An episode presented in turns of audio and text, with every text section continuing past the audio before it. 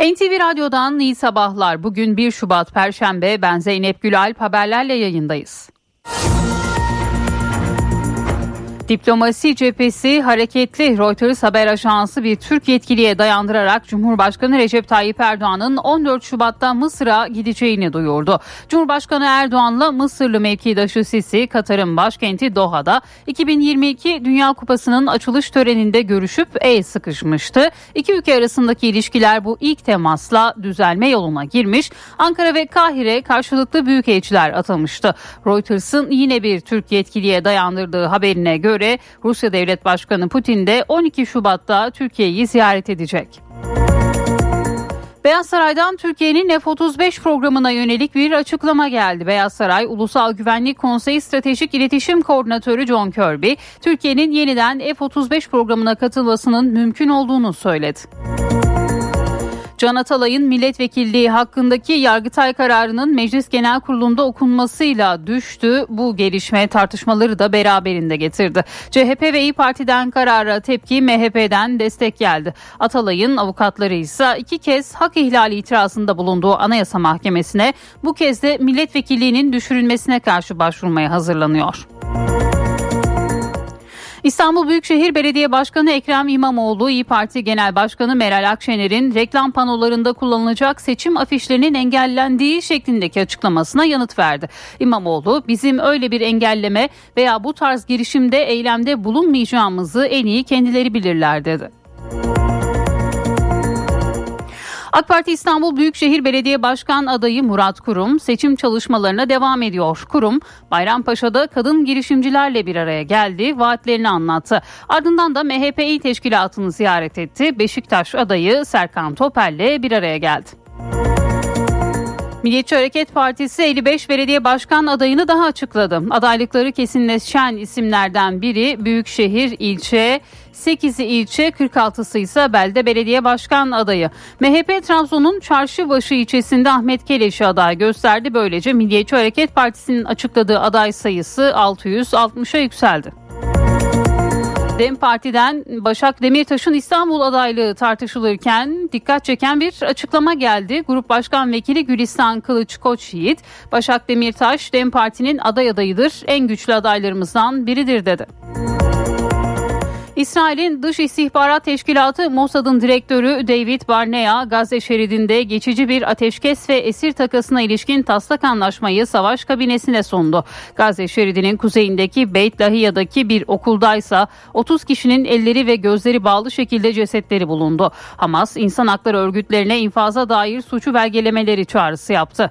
Filistin Devlet Başkanı Mahmut Abbas da Gazze şeridinin Batı Şeria'dan ayrılması veya bir parçasının koparılması şeklinde plana izin vermeyeceklerini söyledi. Birleşmiş Milletler Filistinli mültecilere yardım ve çalışma ajansı ise Gazze şeridinde temiz suya erişimin bir ölüm kalım meselesi haline geldiğini açıkladı. FED yılın ilk faiz kararını açıkladı. Amerikan Merkez Bankası politika faizini beklentiler dahilinde değiştirmeyerek 23 yılın en yüksek seviyesi olan %5,25-5,50 aralığında sabit tuttu. Fed Başkanı Jerome Powell e, politika faizi muhtemelen zirvede ekonominin de beklediği gibi seyretmesi durumunda bu yıl faiz indirimlerine başlamanın uygun olacağına inanıyoruz ifadelerini kullandı. Meta CEO'su Mark Zuckerberg Amerikan Senatosu'nda zor anlar yaşadı. Sosyal medyanın çocuklar üzerindeki etkisinin konuşulduğu oturumda bir senatör Zuckerberg'ü özür dilemeye zorladı. Zuckerberg online platformlardan kaynaklı olarak hayatlarını kaybedenlerden dolayı üzgün olduğunu ve bundan dolayı ailelerden özür dilediğini ifade etti.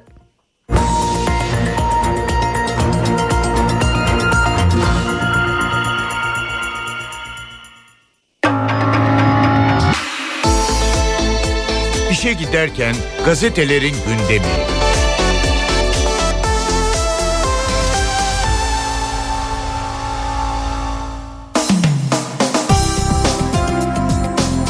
Sabah gazetesiyle başlıyoruz. Acılara sığınmadık, çalıştık, ürettik manşetini atıyor bugün.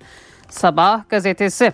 Asrın felaketinin en ağır yaşandığı Elbistan'da belediyenin tekstil fabrikası 60 kadını hayata bağladı. Yakınlarının acısını yaşayan kadınlar Burada üreterek yaralarımızı sardık dedi. O kadınlardan Emine Hatun Tapancı büyük bir travma yaşadık ama çok şükür bu fabrika sayesinde toparlanma imkanı bulduk. Hem acılarımızı unutuyoruz hem de paramızı kazanıyoruz dedi. 60 milyon turist 60 milyar dolar gelir bir diğer başlık. Türkiye geçen yılı turizmde rekorlarla kapadı. Kültür ve Turizm Bakanı Ersoy 2024 yılı için çıtayı daha da yükseltti.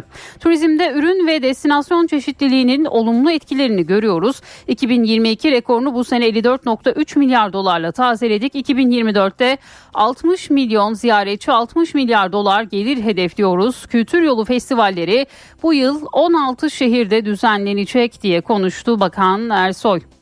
Alper abi orada uzaylı var mı bir diğer başlık. Uzay istasyonundaki çalışmalarını yürüten Türk astronot Alper Gezeravcı Diyarbakırlı öğrencilerle sohbet etti. Uzaylı var mı sorusuna görmedim ama görseydim Furkan'ın sana selamı var derdim. Herhalde o zaman bana bir şey yapmazdı ben de varlıklarını merak ediyorum cevabını verdi.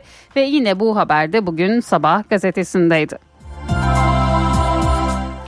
Hürriyet'in manşetinde söylemezler 30 yıl sonra kafeste başlığını görüyoruz. 1994'ten bu yana birçok karanlık olaya karışan üniformalı çetede denilen Söylemez Kardeşler çetesi dün sabah 4 ilde yapılan kafes 33 operasyonuyla çökertildi.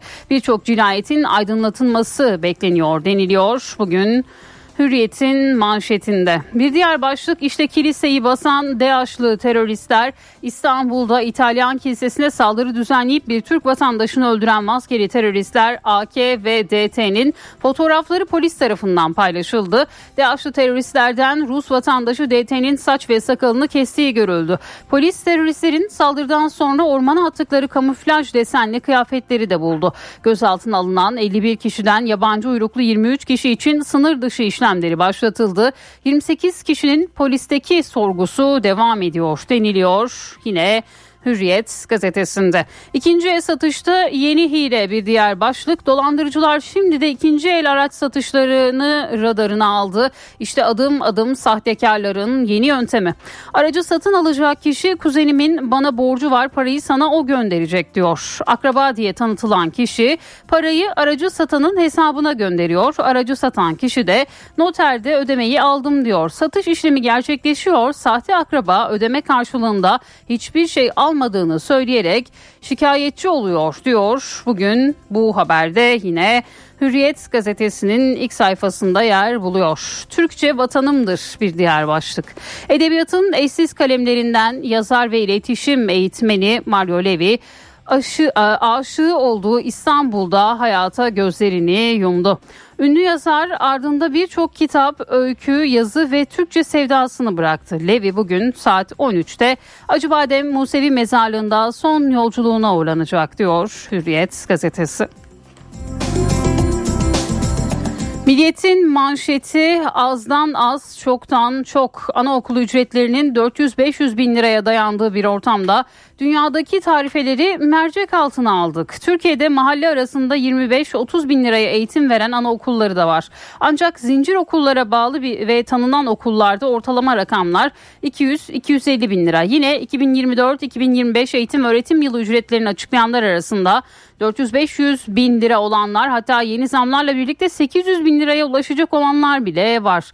Avrupa Birliği ülkelerinde ücretler belirlenirken aile gelirine bakılıyor. Fransa'da bir okulda düşük gelirli ailelerden 1600 euro yani 53 bin lira alınırken yüksek geliri olanlardan 3 bin euro talep ediliyor. İtalya'da bir okulda geliri 25 bin euronun altında olanlar aylık 145 euro üstünde olanlarsa 190 euro ödüyor diyor. Bugün Milliyet gazetesi bu eğitim başlığını manşetine taşıyor. Bir diğer haberle devam edelim yine Milliyet'ten.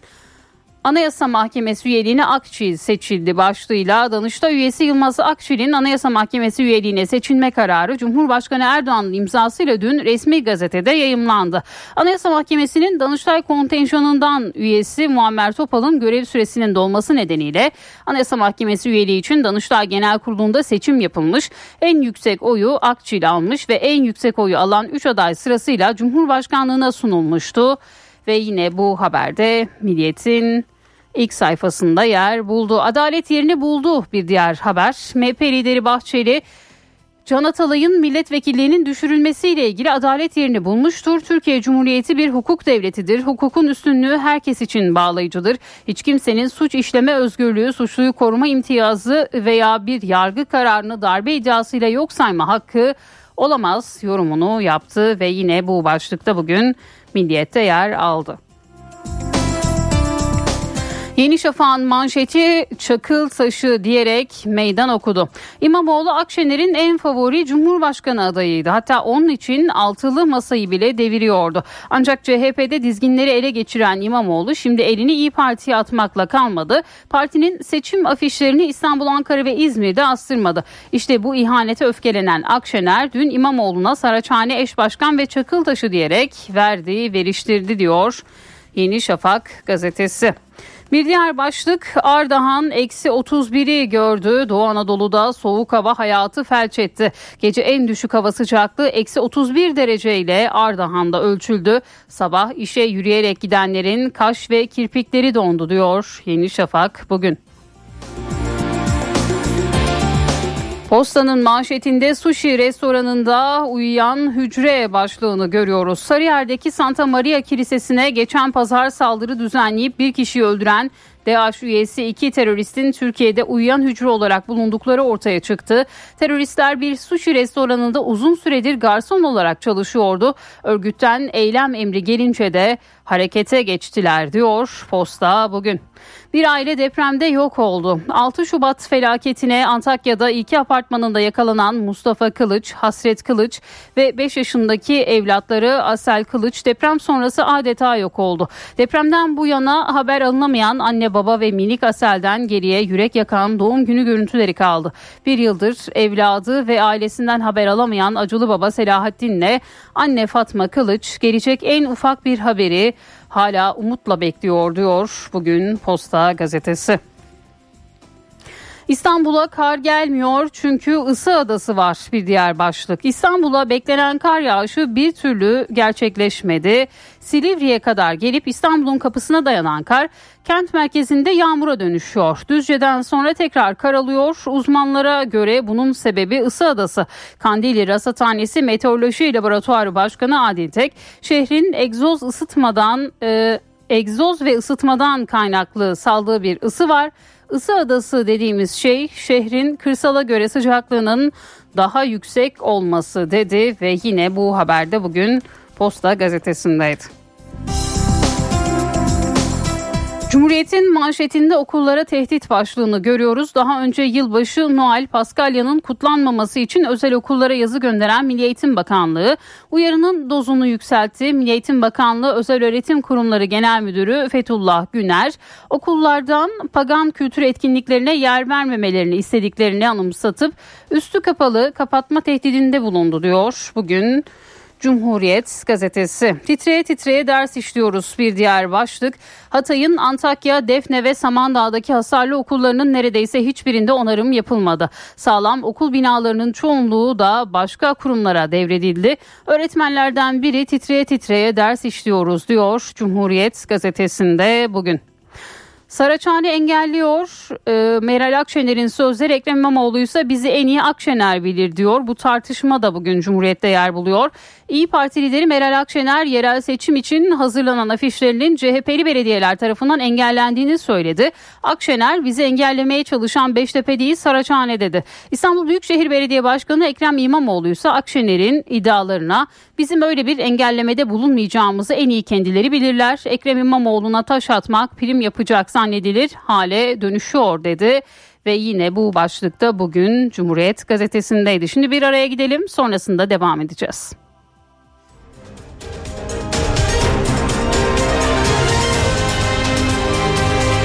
NTV Radyo Titanic Hotels köşedeki kitapçıyı sunar. Merhaba, ben Adnan Bostancıoğlu. 1920'li ve 30'lu yılların en çok okunan popüler roman yazarlarından biri Burhan Cahit Morkaya'nın Ayten isimli romanı Türkiye İş Bankası Kültür Yayınları tarafından kısa süre önce yayınlandı. Romanı günümüz Türkçesine Gülben Koca Bıçak uyarlamış. Gazeteci, yazar ve matbaacı Burhan Cahit Morkaya 1892 İstanbul doğumlu. Mercan idadisini bitirdikten sonra Mektebi Mülkiye'den mezun oldu. Gazeteciliğe öğrencilik yıllarında Yeni Gazete'de başladı. Osmanlı Milli Ajansı'nda çalıştı. Servet-i Fünun'da hikaye ve fantezi türünde yazıları ile Fransızcadan çevirileri yayımlandı. 1920-1928 yılları arasında Mizah gazetesi Karagöz'ün müdürlüğünü ve başyazarlığını üstlendi. Karagöz onun yönetiminde Anadolu'da en çok okunan popüler gazeteler arasına girdi. 1928 yılında 1949'daki ölümüne kadar çıkarmaya devam edeceği Yeni Köroğlu gazetesini kurdu. Morkaya çoğu roman olmak üzere hikaye, tiyatro, fantezi ve fıkra gibi edebi türlerde 40'a yakın eser kaleme aldı. Bunların bazıları dönemin önde gelen gazetelerinde tefrika edildi. Yazar romanlarında çoğunlukla Birinci Dünya Savaşı ve sonrasında Türkiye'de oluşan yeni toplumsal hayatı, kadın erkek ilişkilerini ve batıllaşma konularını işledi. Bugün bahsin ettiğimiz Ayten, Morkaya'nın Kızıl Serap isimli romanının devamı olarak kurgulanmış ama bağımsız bir biçimde de okunabiliyor. Kızıl Serap'ta varlıklı bir ailenin iyi eğitimli kızı Ayten'in İstanbul'un kibar semtlerinde, sayfiyelerinde ve Trabzon'da geçen maceraları anlatılıyordu. Bu defa anne Ayten ile kızı Ayten'in İstanbul'dan Paris'e uzanan hayatları konu ediliyor. Cumhuriyetin ilanıyla hız kazanan modern hayata uyum sağlayan anne, kızını kendi ayakları üzerinde duracak donanımda ve özgür bir birey olarak yetiştirir. Babasız büyüyen genç kız, çeşitli sporlarla ve sanat faaliyetleriyle ilgilenen, girdiği her ortamda ilgi gören fakat annesinin tecrübeleri dolayısıyla duygusal ilişkilere mesafeli duran eğitimli bir bireydir. Ancak Ayten'in Orhan Bey ile tanışması ve sonrasında meydana gelen olaylar anne kızı sonu sürprizlerle dolu bir kadere sürükleyecektir. Herkese iyi okumalar, hoşçakalın. Titanic Hotels köşedeki kitapçıyı sundu.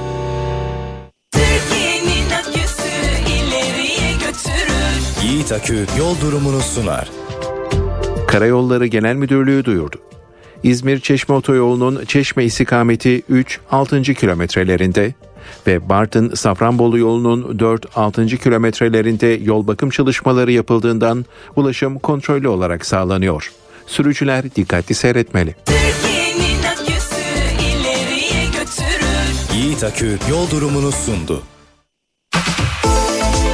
NTV Radyo, Türkiye'nin haber radyosu.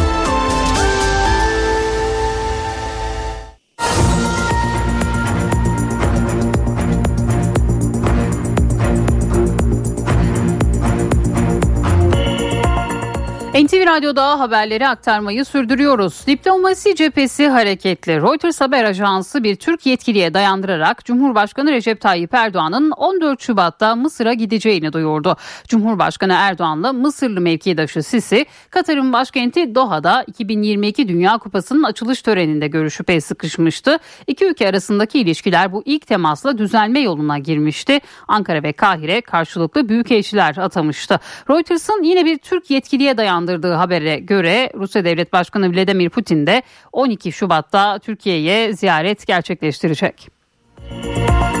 Amerika Birleşik Devletleri'nden F-35 açıklaması geldi. Uçakların Türkiye'ye satışı ile ilgili uyuşmazlığın sürdüğü vurgulandı. Ayrıntıları NTV Washington temsilcisi Hüseyin Günay aktardı. Beyaz Saray'da basın e, briefingi vardı. Ben de oradaydım. E, Ulusal Güvenlik Sözcüsü Kirby'ye bir gazeteci dedi ki Türkiye'ye F-16'ları sattınız. Türkiye'nin e, F-35 alma isteği de var. Bunu açıkça dile getiriyorlar. Türkiye'yi yeniden F-35 programına dahil etme ihtimaliniz var mı? Nedir Amerika'nın bu noktadaki pozisyonu dediler. Kirby dedi ki F-35 konusundaki pozisyonumuz değişmedi. F-35 konusundaki pozisyonumuz değişmedi dedi. S-400'lerle F-35'ler arasındaki uyuşmazlık devam ediyor ifadesini kullandı. Hatta orada bir hata da yaptı. S-400 diyeceğine S-300 dedi. Daha sonra S-400'e çevirmek zorunda kaldı onu. Ancak F-35'ler ve S-400'ler arasındaki uyuşmazlık devam ediyordu, ediyor dedi. Bir de geleceğe dair açık kapı bıraktı. Dedi ki eğer Türkiye S-400 konusundaki endişelerimizi ortadan kaldırırsa Türkiye'nin bir kez daha F-35 programına alınması görüşülebilir. Ancak burada koşullu bir durum söz konusu. Orada Türkiye'nin S-400'lerden e, kurtulması veya S-400'leri Türkiye dışına çıkartmaları talep ediliyor. E, Daha önce de Amerika Birleşik Devletleri böyle bir talepte bulunmuş. Türkiye bunu kabul etmemişti. Şimdi F-16 ee, Victoria Noland Amerika Birleşik Devletleri e, Dışişleri Bakanlığı müsteşarı Türkiye'deydi. Ukrayna'ya geçti. Üç gündür Türkiye'de önemli görüşmeler gerçekleştiriyordu. Şimdi iki ülke arasında bir sıcak hava var. Olumlu gelişmeler önümüzdeki ay yaşanabilir. E, o yüzden F-35 kapısı Türkiye'ye kapalı ancak koşullu bir şekilde açılabilir. O da S-400'ler Türkiye topraklarını terk ederse. Hüseyin Günay'ın notlarını dinledik. Can Atalay'ın milletvekilliği hakkındaki Yargıtay kararının Meclis Genel Kurulu'nda okunmasıyla düştü. Bu gelişme tartışmaları da beraberinde getirdi. CHP ve İyi Parti'den karara tepki, MHP'den destek var. Atalay'ın avukatları ise iki kez hak ihlali itirazında bulunduğu Anayasa Mahkemesi'nde bu kez de milletvekilliğinin düşürülmesine karşı başvurmaya hazırlanıyor. Peki süreç nasıl işleyecek? Ayrıntıları aktaralım. Yargıtay 3. Ceza Dairesi'nin bir yazısı vardır okutuyorum buyurun. Türkiye Büyük Millet Meclisi Başkanı Türkiye İşçi Partisi milletvekili Can Atalay'ın milletvekilliği düştü. Peki tartışma yaratan kararın ardından hukuki süreç nasıl işleyecek? Atalay'ın avukatları yeni adım atmaya hazırlanıyor. Adres yine Anayasa Mahkemesi olacak. Anayasaya göre milletvekilliği düşürülen kişinin 7 gün içerisinde kararın anayasaya, kanuna veya iç düzeye aykırılığı iddiasıyla Anayasa Mahkemesi'ne başvurma hakkı bulunuyor. Bu yönteme Atalay'ın milletvekilliğinin düşürülmesinin bir meclis kararı değil, yargı kararının okutulması, bu nedenle de Anayasa Mahkemesi'ne başvuru hakkı yok şeklindeki itirazlar var. Atalay'ın avukatları ise önemli olan AYM'nin kararı nasıl yorumlayacağı diyerek yanıt veriyor. Yüksek Mahkeme hak ihlali kararı verirse bu Atalay'a milletvekili sıfatını yeniden kazandırıyor ama tahliye anlamına gelmiyor. Bunun için yerel mahkeme ya da yargıtay kararı gerekiyor. Atalay'ın milletvekilliğinin düşürülmesi tartışmalara da yol açtı. MHP Genel Başkanı Devlet Bahçeli Atalay'ın milletvekilliğinin düşürülmesine adalet yerini buldu diyerek destek verdi. Türkiye Cumhuriyeti bir hukuk devletidir. Hukukun üstünlüğü herkes için bağlayıcıdır. Hiç kimsenin suç işleme özgürlüğü, suçluyu koruma imtiyazı veya bir yargı kararını darbe iddiasıyla yok sayma hakkı olamaz. Demokrasiye, milli huzur ve güvenliğimize darbeye tevessül eden Anayasa Mahkemesidir. Muhalefettense tepki var. Can Atalay'ın milletvekilliğinin düşürülmesi kararıyla birlikte artık ülkemizi anayasasız bir devlet olma tehlikesine doğru sürüklemeye başladı. Konu Meclis Genel Kurulu'nda da tartışmaya yol açtı. Yargıtay kesin hükmünü görmeyin. Neden? Bizim şu anda bu işimize geliyor. Klasik CHP tavrı işte. Bizler diyoruz ki Türkiye Cumhuriyeti Devleti bir hukuk devletidir. Yasama, yürütme, yargı hukuk içerisinde kalacaktır. Bir milletvekilliği düşürülüyor. Bunun utancını yaşa biraz ya. Dünyada hiçbir parlamento, parlamento üyelerinden birinin vekilliğinin bir yargı kararıyla düşürülmesini bu kadar hevesle, bu kadar şevkle karşılayamaz. Cumhurbaşkanı Recep Tayyip Erdoğan AK Parti Genel Merkezi'nde aday belirleme çalışmalarına katıldı. 81 il adayını açıklayan AK Parti'de gözler ilçe adaylarına çevrildi. Ayrıntıları Mustafa Berber'den dinliyoruz. Cumhurbaşkanı Recep Tayyip Erdoğan İstanbul, Ankara ve İzmir başta olmak üzere 81 ildeki adayları açıklamıştı. Bununla birlikte de İstanbul, Ankara, İzmir ve Eskişehir'in ilçe adayları da açıklandı. Geriye kalan illerde ilçeli adaylarının belirlenmesi için çalışmalar sürüyor. AK Parti'nin seçim beyannamesinin açıklanmasının ardından Cumhurbaşkanı Recep Tayyip Erdoğan bu kez de kurmayları ile birlikte bu konu üzerinde çalışıyor ve e, 77 ilde ilçelerde hangi adaylar olacak, hangi hangi adaylarla seçime girecek e, AK Parti? Bu sorunun yanıtı aranıyor. Buna ilişkin de yoğun mesaisi devam ediyor. Bir yanda seçim çalışmaları devam ederken aslında Cumhurbaşkanı Recep Tayyip Erdoğan'ın hafta sonu itibariyle yoğun programları da var. Hemen onlara bakacak olursak Erdoğan bu cumartesi günü itibariyle depremin birinci yılı olması hasebiyle Hatay'a gidecek. Ardından da 4 Şubat pazar günü Gaziantep'te olacak. Tabi deprem bölgesi ziyaretlerine 6 Şubat'ta devam edecek. Depremin Tam da yıl dönümünde depremin merkez üssü Kahramanmaraş'ta olacak Erdoğan. Sonrasında ise sırasıyla Malatya ve Adıyaman'ı ziyaret edecek. Bu noktalara gittiğinde ise yine o illerin ilçe adaylarını açıklayacak ve AFAD tarafından hazırlanan deprem konutlarında yine hak sahiplerine burada teslim edecek Cumhurbaşkanı Recep Tayyip Erdoğan. AK Parti cephesinde çalışmalar, seçim hazırlıkları bu şekilde devam ederken tabi bir yandan da aslında ittifaklar konusundaki çalışmalar var. AK Parti e, Cumhurbaşkanlığı ve milletvekili seçimlerine girdiğinde yeniden Refah Partisi de Cumhur İttifakı'nın ortaklarından biriydi. Yerel seçimde bu ortaklık devam edecek mi sorusu aslında merak ediliyordu. İşte o soruya ilişkin görüşmeler varken görüşmeler tamamlandı. Ancak her iki taraftan da e, nasıl bir yol haritası izleneceği ya da anlaşma olup olmadığına yönelik bir açıklama gelmemişti. Buna ilişkin de yeniden Refah Partisi Genel Başkanı Fatih Erbakan'ın bir top basın toplantısı düzenlemesi ve toplantının gündeminde de AK Parti ile birlikte yerel seçimlere katılacaklar mı yoksa kendileri mi yerel seçime katılacaklar destekleyecekleri bir nokta olacak mı? Bu sorular da netleşmiş olacak. Mustafa Berber'in notlarını dinledik. İstanbul Büyükşehir Belediye Başkanı Ekrem İmamoğlu, İyi Parti Genel Başkanı Meral Akşener'in reklam panolarında kullanılacak seçim afişlerinin engellendiği şeklindeki açıklamasına yanıt verdi. İmamoğlu bizim öyle bir engelleme veya bu tarz girişimde eylemde bulunmayacağımızı en iyi kendileri bilirler dedi. İmamoğlu İstanbul Tasarım Müzesi'nin açılışını yaptı. Açılış sonrası gazetecilerin Gayrettepe İstanbul Havalimanı metrosu ile ilgili sorularını da yanıtladı. Ne güzel, ne güzel. Ne güzel. Süleymaniye Camii ve Külliyesi'nin sıra dükkanları İstanbul Tasarım Müzesi oldu. Açılışı İstanbul Büyükşehir Belediye Başkanı Ekrem İmamoğlu yaptı. Koku 1969 yılında üretimi kalkıyor. İmamoğlu'na Gayrettepe Kağıthane metrosunun açılışına davet edilip edilmediği soruldu. Bizi bu tür açılışlara davet etmekten endişe ediyorlar. Şimdi dedik ya yarın faks yollayabilirler bir davet faksı ama davet etmiyorlar. Ee, ama ben yine de çok geç de olsa, çok büyük e, maliyet farklarına maruz da kalsa İstanbul Havalimanı'na de yapılan metro hattının Gayrettepe'ye gelmiş olmasından mutluyum. İmamoğlu yeni metro istasyonundaki Kanal İstanbul figürüne de değindi. Kanal İstanbul'u ağzına almayan Sayın Kurum'a sorun. Yani dilinden düşürmeyen ama şu süreçte de tek bir kelime dahi duymadığımız Sayın Kurum'a Kanal İstanbul'la ilgili ne düşünüyorsunuz diye medya bir sorsun bir duyalım bakalım. AK Parti İstanbul Büyükşehir Belediye Başkan adayı Murat Kurum seçim çalışmalarına devam ediyor. Kurum Bayrampaşa'da kadın girişimcilerle bir araya gelerek vaatlerini anlattı. Ardından da MHP İl Teşkilatı'nı ziyaret edip Beşiktaş adayı Serkan Toper'le kameralar karşısına geçti. Her adımında AK Parti'nin İstanbul Büyükşehir Belediyesi adayı Murat Kurum Bayrampaşa'da kadın girişimcilerle buluştu.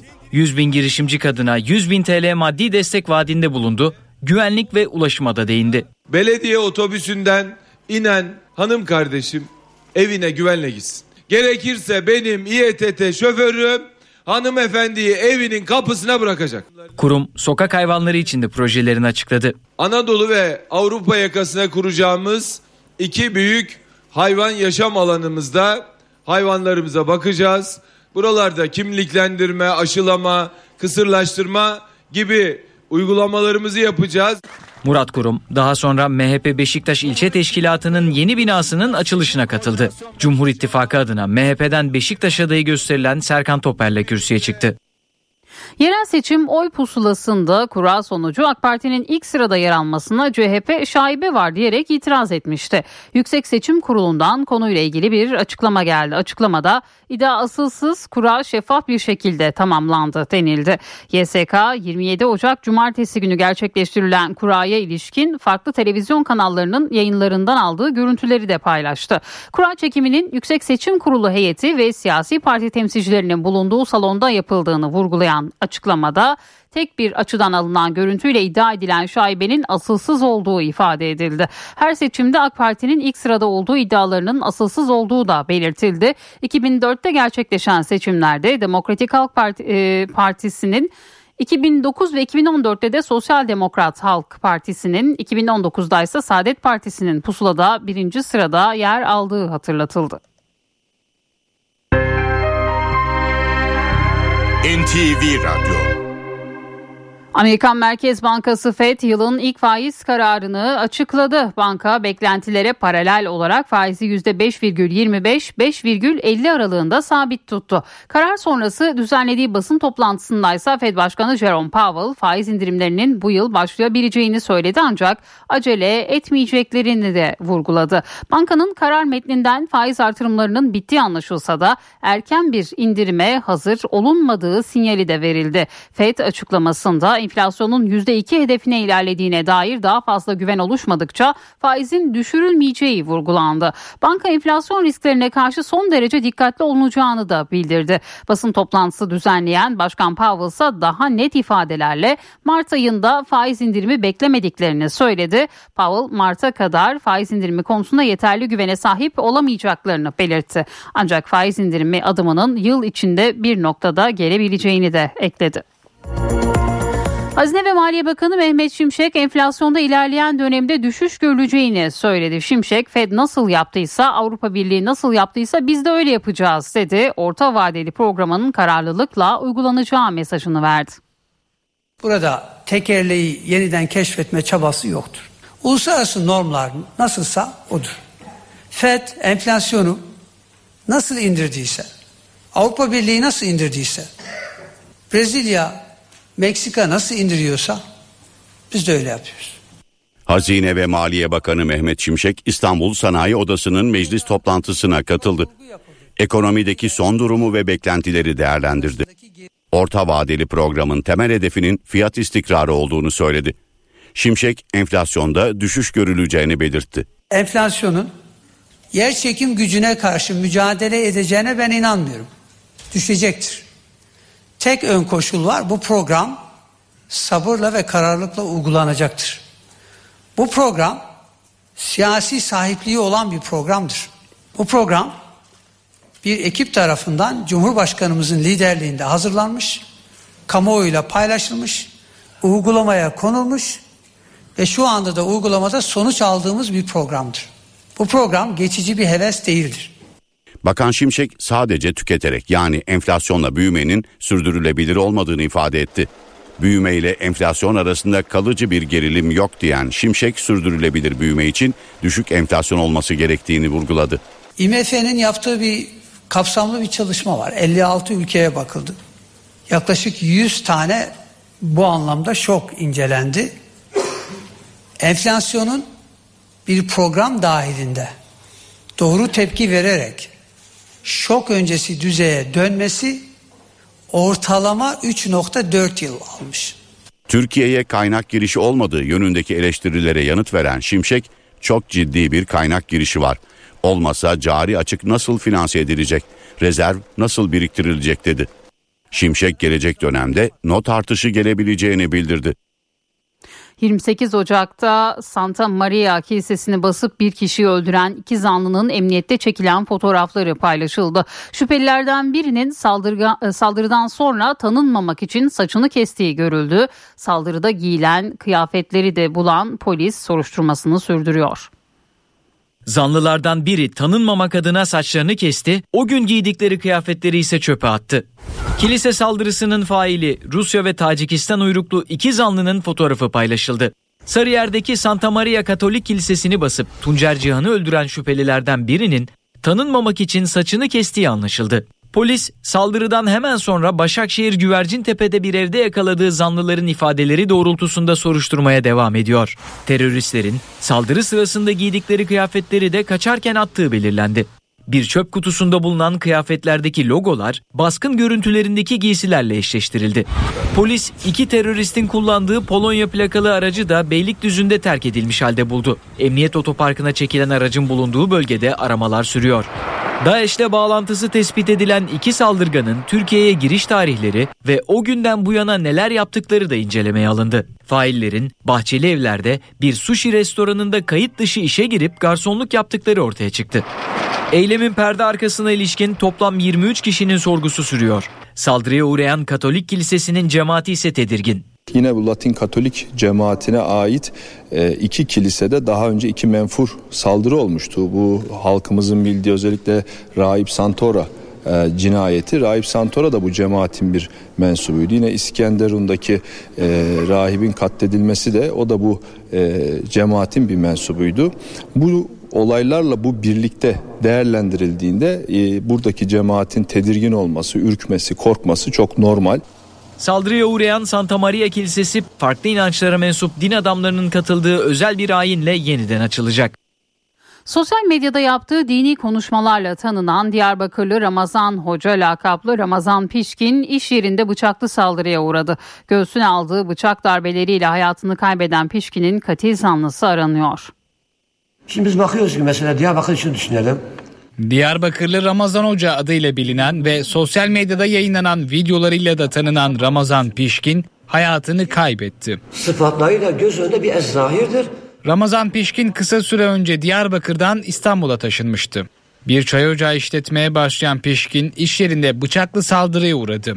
Kimliği belirsiz bir kişi Pişkin'i göğsünden 3 bıçak darbesiyle yaraladı. Ardından kayıplara karıştı. Çevredekilerin ihbarı üzerine olay yerine sağlık ve polis ekipleri sevk edildi. Esselamun Aleyküm ve Rahmetullah. Bir- Pişkin hastaneye kaldırıldı ancak tüm müdahalelere rağmen kurtarılamadı. Olayla ilgili İstanbul Valiliği açıklama yaptı. Açıklamada Pişkin'i öldüren şahsın kimlik tespiti ve yakalama çalışmalarının devam ettiği belirtildi. Özellikle son birkaç yıldır İstanbul'a bir türlü yağma, e, kar yağmamasının nedeni belli oldu. Mega kentteki yoğun binalar, yolları kaplayan asfalt, rekor sayıdaki araç ve kenti çevreleyen deniz, ısı adası denilen bölge oluşturuyor. Bu yüksek ısılı alanda karı daha yeryüzüne düşürmeden eritiyor. İstanbul'a kar yağması içinse uzmanlar Şubat ayına işaret ediyor. Kar havası var mı? Var ama yani bir türlü gelemedi bekliyoruz. Hasretle bekliyoruz gelmedi. Var kar soğuğu var. Çünkü ayak uçları üşüdü mü belirtisi. Ama ya yükseklere yağıyor mu? Mega kentin komşu illeri beyaza büründü. Yağdı yağacak denilen kar bir türlü gelmedi. İstanbullular kara hasret kaldı. Evet yağmıyor maalesef. Özlediniz mi karım? Çok özledim ya yağsa da görsek şöyle. Sıcaklık eksi bir sıfırın altına düşmeye başladığında zaten kar yağışı olağan olarak düşmeye başlıyor. Ama e, bu 2-3 derecelik sıcaklık payındaki yanılmalar yağışın şeklini değiştiriyor. Efendim ben Ağrı'dan geldim. Buranın havası hiçbir şey değil bizim için. Ağrı'da daha farklı değil mi? Eksi 15 şu anda. İstanbul'da kar soğuğu var ama karın kendisi yok. Mega kentin çevre bölgesinde yüksek tepelerinde kar yağıyor. Ancak şehir merkezine geldiğimizde karı ne yazık ki göremiyoruz. Sebebine gelince yoğun betonlaşma ve araç sayısının fazla olması gösteriliyor. Buradaki problem e, sıcaklıkların yeteri derecede düşmemesi. Herkesin tabii ısı adası etkisi var. Bununla birlikte e, sıcaklıkları biraz daha yumuşatıyor ve o eksi değerleri düşmesini önlüyor. Binaların ısısı, İstanbul'un çok geniş bir yüz ölçümüne dağılması muhtemelen karın inmesini engelliyor. Peki ısı adası ne demek? Şehrin e, kendi yani iç enerjisinden şehrin işte e, örneğin işte e, araçların egzozu diyelim. Araçlardan kaynaklanan enerji, ısıtmadan kaynaklanan enerji, e, şehirdeki hareketlik yani bir e, şehrin bir saldığı bir ısı var. Isı adası dediğimiz şey e, şehrin kırsala göre sıcaklığının biraz daha yüksek olması. Şubat ayında İstanbul yeniden soğuk hava etkisine girecek. Mega kentlerse bekledikleri kar yağışını belki o tarihlerde görebilecek. Kar yağma olasılığı da var. Özellikle de o Şubat'ın ikinci haftasındaki e, sistemin e, kar yağışı bırakma olasılığı da bulunuyor. Karar resmi gazetede yayınlandı. Limon suyu yasaklandı. Özellikle restoranlarda sıkça kullanılan limon sosu, limon suyu gibi ürünler artık raflarda olmayacak. İçinde sizce limon var mıdır? Limon vardır ama ne kadar olduğu belli değildir. Limonun hani aroması olur ya o daha fazla bence. Limon suyu boşuna demiyoruz. Limon değil yani limon suyu. Sos kullanmıyorum. Katkı maddelerinden dolayı. Ya... Çorbaya, salataya kullanılıyor. C vitamini versin diye tercih ediliyordu. Limon aromalı sos, limon sosu ismi farklı olsa da aslında içinde limon hariç her şey vardı.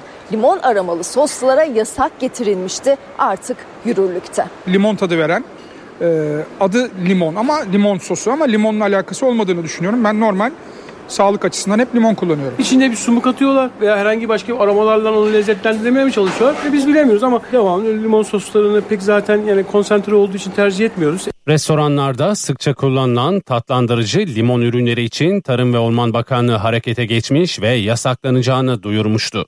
Ve bugün resmi gazetede yer alan karara göre limon suyu izlenimini veren limon sosu ve benzeri ürünler artık piyasada olmayacak. Sos kullanmıyorum. Katkı maddelerinden dolayı yani mümkün mertebe paketli ürünleri kullanmamayı tercih ediyorum. Restoran ve lokantalarsa limon soslarını işletmelerinden çıkarmaya başladı. Doğru bir sağlıklı bir karar. Her şeyin doğalı en güzeli. E, limonumuzu sıkarak taze günlük limonlar kullanıyoruz. Aromalı e, bir iç bir ürünü sağlıklı bulmuyoruz. Sanırım var sizde de. Var efendim. Bu yıllardır var. Ne yapacağız o zaman? Mecbur kaldıracağız. Biz de kullanmayacağız bundan sonra. Gözünüzün önünde kaldırıyorum. Buyurun kaldıralım.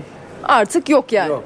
Yok yok. Bu kapsamda yurt içinde piyasaya arzına izin verilmeyen ürünler 31 Aralık 2024'ten sonra piyasada bulundurulamayacak. Herkes bu bilinçte değil. Limon sosu diye gördüğü zaman onun içerisinde limon suyu olduğunu düşünüp ya da limon sıkıldığını düşünüp kullanıyor olabilir. Bence sağlıklı bir karar.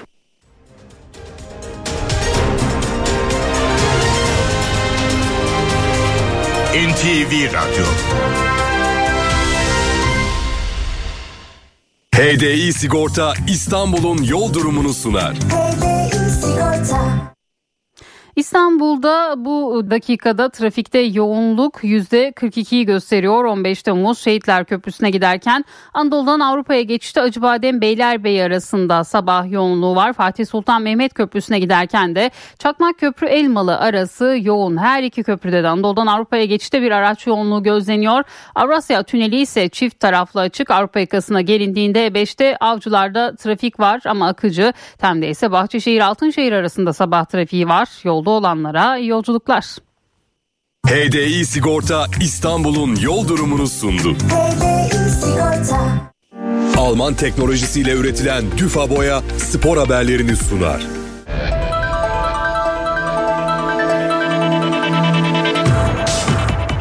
Galatasaray kulüp mağazasının ürünlerini Galata Port'ta düzenlenen relansmanda görücüye çıkardı. Organizasyon öncesinde konuşan Başkan Dursun Özbek, Galatasaray için en iyi transferi yapmanın peşindeyiz dedi. Özbek, Saşa Boey'in rekor rakamla transferini değerlendirdi. Erdem Bey, e, Hoca, Ayhan Bey bunların yoğun bir çalışması var. En iyisini Galatasaray için en iyisini yapmak üzere bu çalışmaya şu anda devam ediyorlar. Hala mesai veriyorlar. İnşallah Galatasaray için en iyi transferleri yapmanın peşindeyiz. Sasha Boy'un satışıyla Türkiye'de e, oyuncu Türkiye'den dışarıya oyuncu e, satışı açısından bir rekor satış oldu. Sasha Boy gerçekten geçen sene şampiyonlukta büyük rolü olan bir oyuncumuz. Bu sene de Real e, Bayern Münih gibi çok önemli bir takıma gitti. Dolayısıyla onunla gurur duymamız lazım. Galatasaray'ın da Financial Fair Play çerçevesinde e, buna ihtiyacı vardı. Hem satışta hem de transferde çok dikkat etmemiz gereken bir husus Financial Fair Play. Dikkat etmemiz lazım. Her zaman tepemizde demokrasinin kılıcı gibi duruyor. Bu satış e, gerçekten Galatasaray için önemliydi. Transferde de aynı dikkati gösteriyoruz. Fenerbahçe'de ayrılıklar devam ediyor. Bertu Elmas'ı Sivasspor'a, Miguel Crespo'yu da İspanya'dan Rayo Vallecano'ya kiralayan Sarılaçfertler, Emre Mor için de Fatih Karagümrük'le görüşüyor. Kırmızı siyahlı takım 26 yaşındaki hücum oyuncusunu kiralamak için önemli aşama kaydetti. Fenerbahçe'de kadroda düşünülmeyen kenti ise Başakşehir istiyor. Sarılaçfertler konferans ligi kadrosu için UEFA'ya Cuma günü oyuncu listesi verecek. Fatih Terim yönetimindeki Panathinaikos Yunanistan kupasında tur biletini son dakikalarda kaptı. Yeşil Beyazlılar ilk maçta 2-1 yenildiği Atromitos'u rövanşta 2-0 yenerek yarı finale yükseldi. Bu sonucun ardından Fatih Terim'in ekibi adını son 4 takım arasına yazdırdı. Panathinaikos yarı finalde PAOK Panseriakos eşleşmesinin galibiyle eşleşecek. Anadolu Efes Euroleague'deki üst üste ikinci mağlubiyetini aldı. Lacivert Beyazlılar çift maç haftasındaki ilk sınavında karşılaştığı Zalgir ise 96-70 mağlup oldu. Lacivert Beyazlılar'da Will Clyburn 19 sayıyla takımının en skorer ismiydi. Erdemci'nin ekibi çift maç haftasındaki ikinci sınavında Cuma günü Olimpia Milano'yu konuk edecek. Bahçeşehir Koleji Europe Cup'ta kaldığı yerden devam ediyor. Çeyrek final biletini geçtiğimiz hafta kazanan Kırmızı Ejderhalar ikinci tur gruplarındaki 5. maçında Sporting'i 99-87 mağlup ederek grup liderliğini de garantiledi. Bahçeşehir Koleji'nde Aksel 19 sayı 9 asist 4 reboundla yıldızlaştı. Tyler 19 sayı 9 rebound 3 asistle galibiyete katkı verdi. Kırmızı Ejderhalar Europe Cup'taki bir sonraki maçında 7 Şubat günü Yanova ile karşılaşacak ve ikinci tur gruplarını tamamlayarak çeyrek finaldeki rakibini bekleyecek. Alman teknolojisiyle üretilen zemin boyası Düfa Boya spor haberlerini sundu.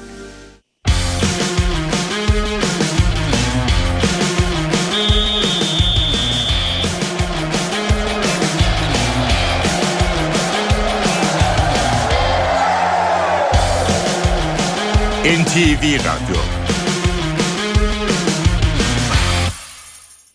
Saat 8 Türkiye ve Dünya gündeminde bu saate kadar öne çıkan başlıklara bir haber turuyla bakacağız.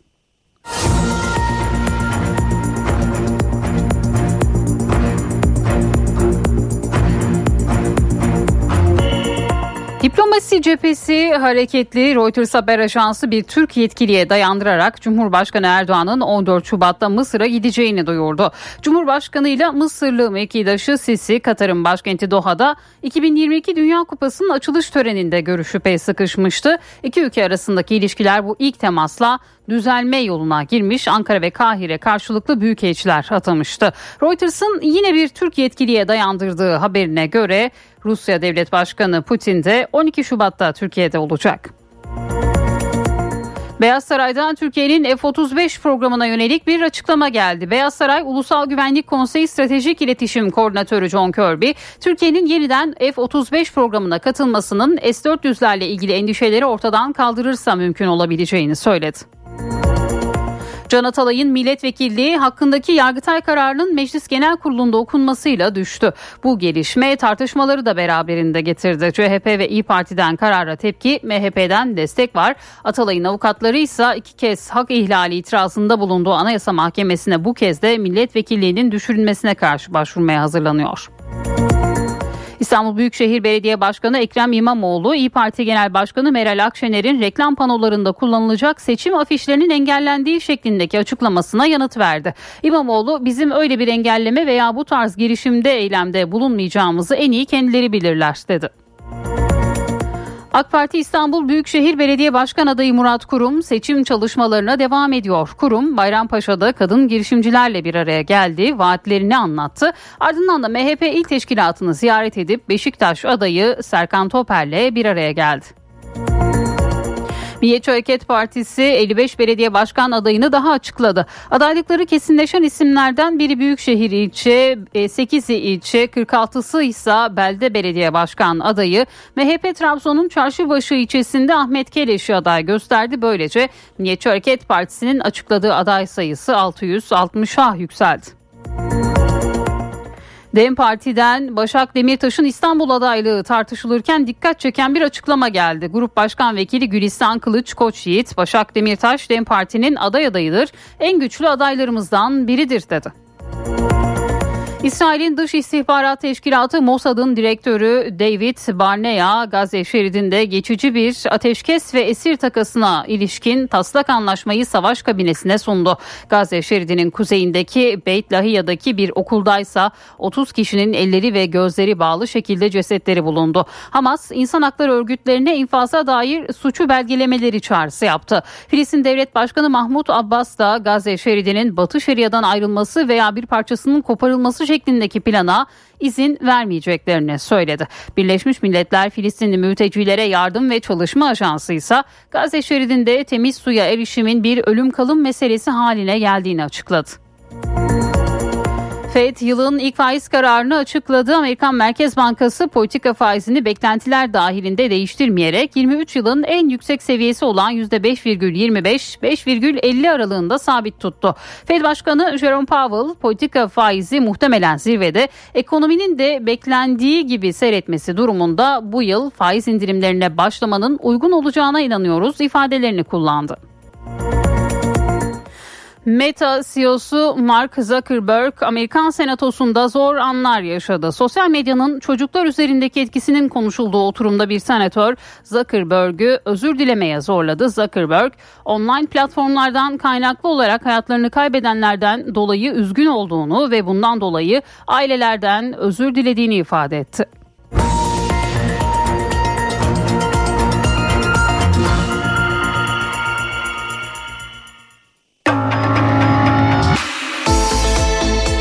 İşe giderken gazetelerin gündemi.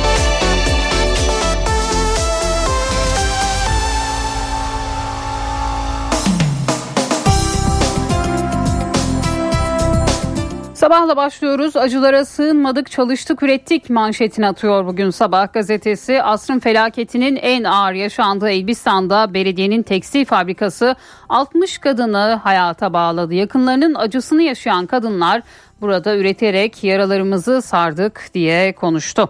60 milyon turist 60 milyar dolar gelir bir diğer başlık. Türkiye geçen yılı turizmde rekorlarla kapattı. Kültür ve Turizm Bakanı Ersoy 2024 yılı için çıtayı daha da yükseltti. Turizmde ürün ve destinasyon çeşitliliğinin olumlu etkilerini görüyoruz. 2022 rekorunu bu sene 54.3 milyar dolarla tazeledik. 2024'te 60 milyon ziyaretçi 60 milyar dolar gelir hedefliyoruz. Kültür Yolu festivalleri bu yıl 16 şehirde düzenlenecek diye konuştu. Bakan Ersoy'un açıklamaları da sabahın ilk sayfasında yer buldu. Alper abi orada uzaylı var mı bir diğer başlık. Uzay istasyonundaki çalışmalarını sürdüren Türk astronot Alper Gezer Avcı Diyarbakırlı öğrencilerle sohbet etti. Uzaylı var mı sorusuna görmedim ama görseydim Furkan'ın sana selamı var derdim. Herhalde o zaman bana bir şey yapmazdı. Ben de varlıklarını merak ediyorum cevabını verdi.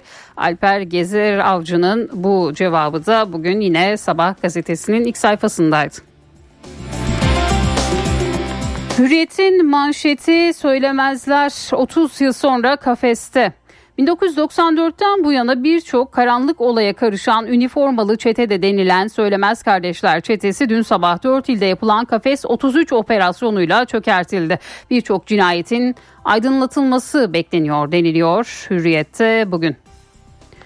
Yine bir diğer başlık işte kiliseyi basan DAEŞ'lı teröristler İstanbul'da İtalyan kilisesine saldırı düzenleyip bir Türk vatandaşını öldüren maskeli teröristler AK ve DT'nin fotoğrafları polis tarafından paylaşıldı. DAEŞ'lı teröristlerden Rus vatandaşı DT'nin saç ve sakalını kestiği görüldü. Polis teröristlerin saldırıdan sonra ormana attıkları kamuflaj desenli kıyafetleri de buldu. Gözaltına alınan 51 kişiden yabancı uyruklu 23 kişi için sınır dışı işlemleri başlatıldı. 28 kişi kişinin polisteki sorgusuysa devam ediyor deniliyor Hürriyet gazetesinde. İkinci el satışta yeni hile bir diğer başlık. Dolandırıcılar şimdi de ikinci el araç satışlarını radarına aldı. İşte adım adım sahtekarların yeni yöntemi. Aracı satın alacak kişi kuzenimin bana borcu var parayı sana o gönderecek diyor. Akraba diye tanıtılan kişi parayı aracı satanın hesabına gönderiyor. Aracı satan kişi de noterde ödemeyi aldım diyor. Satış işlemi gerçekleşiyor. Sahte akraba ödeme karşılığında hiçbir hiçbir şey almadığını söyleyerek şikayetçi oluyor diyor. Bugün Hürriyet gazetesi bu dolandırıcılık haberine de ilk sayfasından yer veriyor. Türkçe vatanımdır bir diğer başlık. Edebiyatın eşsiz kalemlerinden yazar ve iletişim eğitmeni Mario Levi aşığı olduğu İstanbul'da hayata gözlerini yumdu. Ünlü yazar ardında birçok kitap, öykü, yazı ve Türkçe sevdasını bıraktı. Levi bugün saat 13'te Acıbadem Musevi Mezarlığı'nda son yolculuğuna uğurlanacak deniliyor ve bu haberde yine Hürriyet'in ilk sayfasından duyuruluyor. Milliyetle devam ediyoruz. Azdan az, çoktan çok manşetini atıyor bugün Milliyet gazetesi. Anadolu, e, anaokulu ücretlerinin 400-500 bin liraya dayandığı bir ortamda dünyadaki tarifeleri mercek altına aldık. Türkiye'de mahalle arasında 25-30 bin liraya eğitim veren anaokulları da var. Ancak zincir okullara bağlı ya da tanınan okullarda ortalama rakamlar 200-250 bin lira. Yine 2024-2025 eğitim öğretim yılı ücretlerini açıklayanlar arasında 400-500 bin lira olanlar hatta yeni zamlarla birlikte 800 bin liraya ulaşacak olanlar bile var.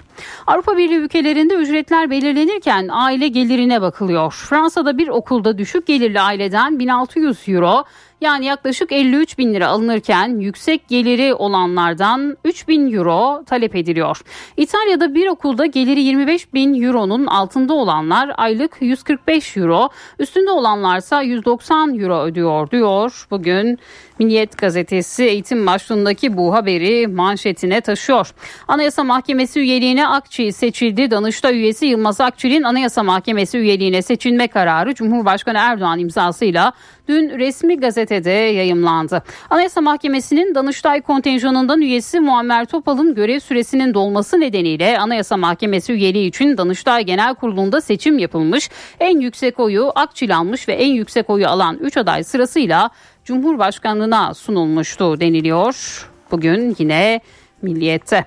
Adalet yerini buldu bir diğer haber. MHP lideri Bahçeli, Can Atalay'ın milletvekilliğinin düşürülmesiyle ilgili adalet yerini bulmuştur. Türkiye Cumhuriyeti bir hukuk devletidir. Hukukun üstünlüğü herkes için bağlayıcıdır. Hiç kimsenin suç işleme özgürlüğü, suçluyu koruma imtiyazı veya bir yargı kararını darbe iddiasıyla yok sayma hakkı olamaz yorumunu yaptı. Bir fon vurgunu daha yine Milliyet Gazetesi'nin ilk sayfasında başlı bu başlıkta bir haber var. İstanbul'da yüksek kar vaadiyle mağdurlardan para topladığı iddia edilen Emekli Banka Müdürü Müjgan D'nin de aralarında bulunduğu 10 kişi gözaltına alındı. Zanlıların 7 kişiden 11 milyon lira para topladıkları öğrenildi. Mağdurlar arasında birçok iş insanının bulunduğu bildirildi. Müjgan D dahil 4 kişi tutuklanırken diğer şüpheliler adli kontrolle bırakıldı deniliyor Milliyet'te. Yeni Şafak çakıl taşı diyerek meydan okuduğu manşetini atıyor. İmamoğlu Akşener'in en favori Cumhurbaşkanı adayıydı. Hatta onun için altılı masayı bile deviriyordu. Ancak CHP'de dizginleri ele geçiren İmamoğlu şimdi elini İyi Parti'ye atmakla kalmadı. Partinin seçim afişlerini İstanbul, Ankara ve İzmir'de astırmadı. İşte bu ihanete öfkelenen Akşener dün İmamoğlu'na Saraçhane eş başkan ve çakıl taşı diyerek verdi veriştirdi diyor Yeni Şafak gazetesi. Bir diğer başlık yine Yeni Şafak'tan Ardahan eksi 31'i gördü. Doğu Anadolu'da soğuk hava hayatı felç etti. Gece en düşük hava sıcaklığı eksi 31 dereceyle Ardahan'da ölçüldü. Sabah işe yürüyerek gidenlerin kaş ve kirpikleri dondu diyor Yeni Şafak gazetesi. Postanın manşetinde sushi restoranında uyuyan hücre başlığı yer buluyor. Bugün Sarıyer'deki Santa Maria Kilisesi'ne geçen pazar saldırı düzenleyip bir kişiyi öldüren DAEŞ üyesi iki teröristin Türkiye'de uyuyan hücre olarak bulundukları ortaya çıktı. Teröristler bir sushi restoranında uzun süredir garson olarak çalışıyordu. Örgütten eylem emri gelince de harekete geçtiler. Bir aile depremde yok oldu. 6 Şubat felaketinde Antakya'da iki apartmanında yakalanan Mustafa Kılıç, Hasret Kılıç ve 5 yaşındaki evlatları Asel Kılıç deprem sonrası adeta yok oldu. Depremden bu yana haber alınamayan anne baba ve minik Asel'den geriye yürek yakan doğum günü görüntüleri kaldı. Bir yıldır evladı ve ailesinden haber alamayan acılı baba Selahattin'le anne Fatma Kılıç gelecek en ufak bir haberi hala umutla bekliyor diyor bugün Posta Gazetesi. İstanbul'a kar gelmiyor çünkü ısı adası var bir diğer başlık. İstanbul'da beklenen kar yağışı bir türlü gerçekleşmiyor. Silivri'ye kadar gelip İstanbul'un kapısına dayanan kar kent merkezinde yağmura dönüşüyor. Düzce'den sonra da tekrar kar alıyor. Uzmanlara göre bunun sebebi ısı adası. Kandilli Rasathanesi Meteoroloji Laboratuvarı Başkanı Adil Tek şehrin egzoz ısıtmadan kaynaklı saldığı bir ısı var. Isı adası dediğimiz şey şehrin kırsala göre sıcaklığının daha yüksek olması diyor bugün Posta gazetesi. Cumhuriyet'in manşetinde okullara tehdit başlığını görüyoruz. Daha önce yılbaşı Noel Paskalya'nın kullanıl, kutlanmaması için özel okullara yazı gönderen Milli Eğitim Bakanlığı uyarının dozunu yükseltti. Milli Eğitim Bakanlığı Özel Öğretim Kurumları Genel Müdürü Fethullah Güner okullardan pagan kültürü etkinliklerine yer vermemelerini istediklerini anımsatıp üstü kapalı kapatma tehdidinde bulundu diyor Cumhuriyet bugün manşetinden. Bir diğer başlık titreye titreye ders işliyoruz. Hatay'ın Antakya, Defne ve Samandağ'daki hasarlı okullarının neredeyse hiçbirinde onarım yapılmadı. Sağlam okul binalarının çoğunluğu da başka kurumlara devredildi. Öğretmenlerden biri titreye titreye ders işliyoruz diyor ve bu haberde yine bugün Cumhuriyet Gazetesi'nin ilk sayfasında yer buluyor. Bir diğer başlık Meral Akşener ile Ekrem İmamoğlu arasındaki tartışma Saraçhane'i engelliyor diyor. Akşener İmamoğlu ise bizi en iyi Akşener bilir yanıtını veriyor. İyi Parti lideri Meral Akşener yerel seçim için hazırlanan afişlerinin CHP'li belediyeler tarafından engellendiğini söyledi. Akşener bizi engellemeye çalışan Beştepe değil Saraçhane dedi. İstanbul Büyükşehir Belediye Başkanı Ekrem İmamoğlu ise Meral Akşener'in iddialarına bizim öyle bir engelleme incelemede bulunmayacağımızı en iyi kendileri bilirler. Ekrem İmamoğlu'na taş atmak prim yapacak zannedilir hale dönüşüyor dedi ve yine bu başlıkta bugün Cumhuriyet gazetesindeydi. NTV Radyo Evdeki Hesap Profesör Murat Ferman hafta içi her gün ekonomideki güncel gelişmeleri NTV Radyo dinleyicileri için yorumluyor. Günaydın Sayın Ferman mikrofon sizde. Zeynep Hanım günaydın. İyi bir gün, iyi yayınlar diliyorum. Amerika Birleşik Devletleri Merkez Bankası Fed yılın beklenen ilk faiz kararını saatler evvel açıkladı. Teknik adıyla Federal Açık Piyasa Komitesi FOMC iki gün süren toplantı sonucunda mutat olduğu üzere önce yazılı bir açıklama yaptı. Bunu takiben kısa bir süre içerisinde Fed Başkanı Powell hem bir sözlü açıklama hem de basın mensuplarının soru cevap e, e, sezonunu veya e, oturumunu yönetti. E, her zaman olduğu gibi gayet banal, sıradan, steril, hiçbir mesaj vermeyen, hatta aynı kravatın takıldığı, yüz ifadelerinin gayet sentetik ve steril olarak ortaya konduğu bir başka ustalıklı FED prezentasyonu izledik. Tam 8,5 dakika sürdü yazılı metnin okunması. Burada istihdam ve enflasyon hedeflerine ulaşmaya yönelik riskler daha iyi bir dengeye doğru ilerliyor. Ekonomik görünümdeki değişiklikler e, çerçevesinde bir ayarlama yapılabilir.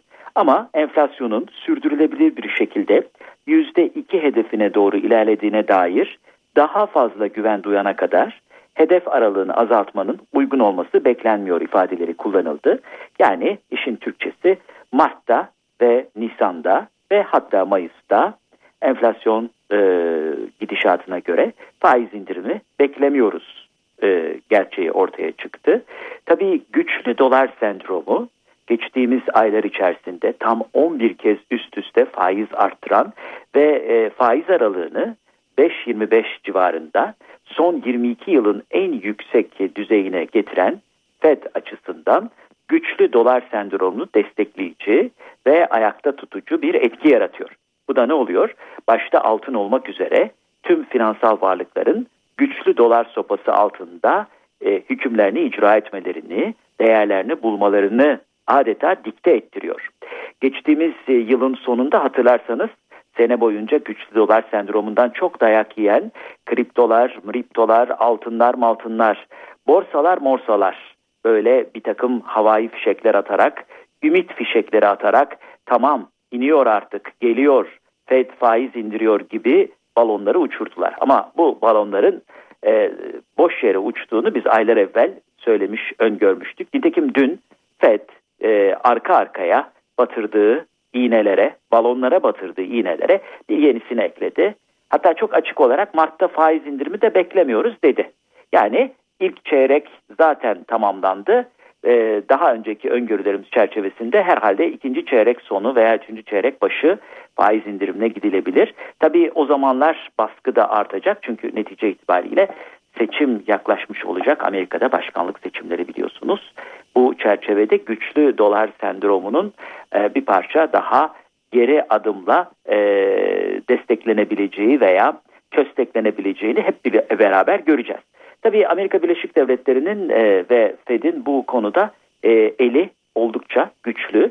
Çünkü netice itibariyle e, istihdam piyasası ve diğer göstergelere bakıldığında Amerikan ekonomisi hakikaten e, iyi bir durumda. Nitekim e, en gelişmiş G7 arasında baktığımızda geçen seneyi birinci sırada yüzde iki buçukluk bir ekonomik büyümeyle tamamlayan Amerika Birleşik Devletleri bu senede Yani 2024'te de 2.1'lik bir büyüme prospektiyle karşı karşıya. Onu hemen takip etmesi düşünülen Kanada bile 1.4 seviyesinde kalıyor. Fransa 1 seviyesinde kalacak. Japonya 0.95, İtalya 0.7, e, Birleş, e, Birleşik Krallık 0.6, Almanya ise 0.5 düzeyinde 2024 büyüme beklentileriyle karşı karşıya. E, Amerikan ekonomisi güçlü, güçlü kalmaya devam ediyor. Bu güçten alınan bir motivasyonla da güçlü dolar sendromu ayakta kalmaya devam edecek. Bu da aralarında Türkiye'nin de olduğu pek çok ekonominin işini daha da zorlaştıracak. Cari dengenin e, sağlanması işini hem vade olarak hem maliyet olarak hem de ekonomik ustalık gerektiren bir iş olarak daha da zorlaştıracak. Önümüzdeki dönemde de en az iki çeyrek daha güçlü dolar hakimiyeti küresel piyasalarda en önemli faktör olmaya devam edecek Vesselam. Bu genel bilgi paylaşımı ve değerlendirme çerçevesinde değerli dinleyenlerimize katma değeri yüksek ve yüksek katma değerli bir gün diliyor. Huzurlarınızdan hürmetlerle ayrılıyorum. Profesör Murat Ferman'la evdeki hesap sona erdi. Kaçırdığınız bölümleri www.ntvradio.com.tr adresinden dinleyebilirsiniz. Dünya markası Bras çatı sistemleri finans bültenini sunar.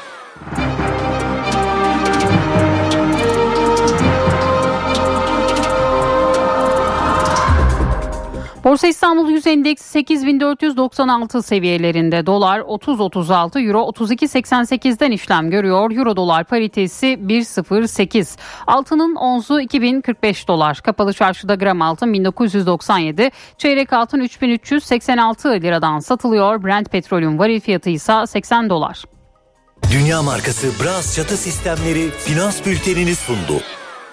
NTV Radyo Benzersiz duvarlar artık hayal değil. Sandeko Boya hava durumunu sunar. Soğuk hava devam ediyor. Anadolu'da kuvvetli bir don olayı var. Perşembe günü 5 büyük kentte de güneş görülecek. İstanbul ve Bursa'da rüzgar zayıflıyor. Bugün Ankara'da hala ayaz var. Sıcaklık öğle altı gece eksi 3 derece. İzmir'deki fırtına da sona eriyor. Rüzgar orta hızda esecek. İstanbul 9, İzmir 12, Bursa 10, Antalya 18 derece olacak bugün. Eşsiz boya, eşsiz mekanlar. Sandeko Boya hava durumunu sundu.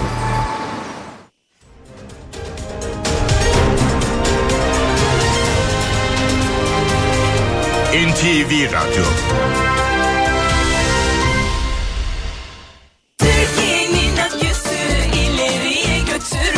Yiğit Akü yol durumunu sunar. Karayolları Genel Müdürlüğü duyurdu. İstanbul-Ankara yolunun 3-6. kilometrelerinde ve taşıcı Silifke Erdemli yolunun 17-20. kilometrelerinde yol bakım çalışmaları yapıldığından ulaşım kontrollü olarak sağlanıyor. Sürücüler dikkatli seyretmeli. Yiğit Akü yol durumunu sundu. Doğa takvimi. Bugün 1 Şubat 2024 Perşembe. NTV Radyo iyi günler diler. Zemheri ayı bitti. Bugün Hamsin fırtınasıyla Hamsin günleri başlıyor. Hamsin yani balık fırtınasıyla balıkların denizlerdeki göçü başlar. Bu dönemin en lezzetli balıkları hamsi ve istavrit olur. İstavrite okyanusun taksisi dendiğini biliyor musunuz? Küçük balıklar uzak yerlere gitmek için istavritin sırtına binermiş. Unutmayın, istavritin yasal avlanma boyu en az 12 santimetre olmalı.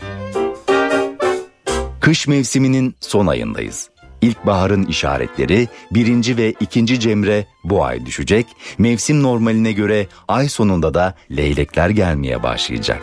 Ancak iklim krizi nedeniyle bazı yörelerde halen göçmeyen leylekler olduğunu biliyoruz. Şubat ayının bu yıl 29 çekeceğini, Şubat kelimesinin Süryanice Şabat kelimesinden geldiğini, mevsimin kış olması nedeniyle tarım yapılmadığı için dinlenilen dönem anlamı taşıdığını ekleyelim. Februarius kelimesi de benzer bir anlam taşıyor.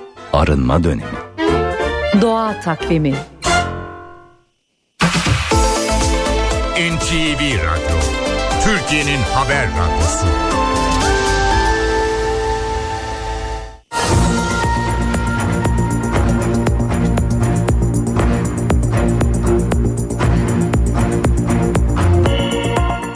NTV Radyo'da haberleri aktarmayı sürdürüyoruz. Suç örgütlerine kafes operasyonlarına ilişkin İçişleri Bakanı Ali Yerlikaya'dan bir açıklama geldi. Bakan Yerlikaya son bir yılda 420 organize suç çetesinin çökertildiğini duyurdu. Ocak 2023, 31 Aralık 2023 tarihleri arasında organize suç örgütlerine yönelik düzenlenen kafes operasyonları kapsamında 11'i uluslararası 14'ü ulusal 56'sı bölgesel ve 339'u yerel olmak üzere toplamda 420 örgüt e, organize suç çetesinin çökertildiğini duyurdu Bakan Yerlikaya.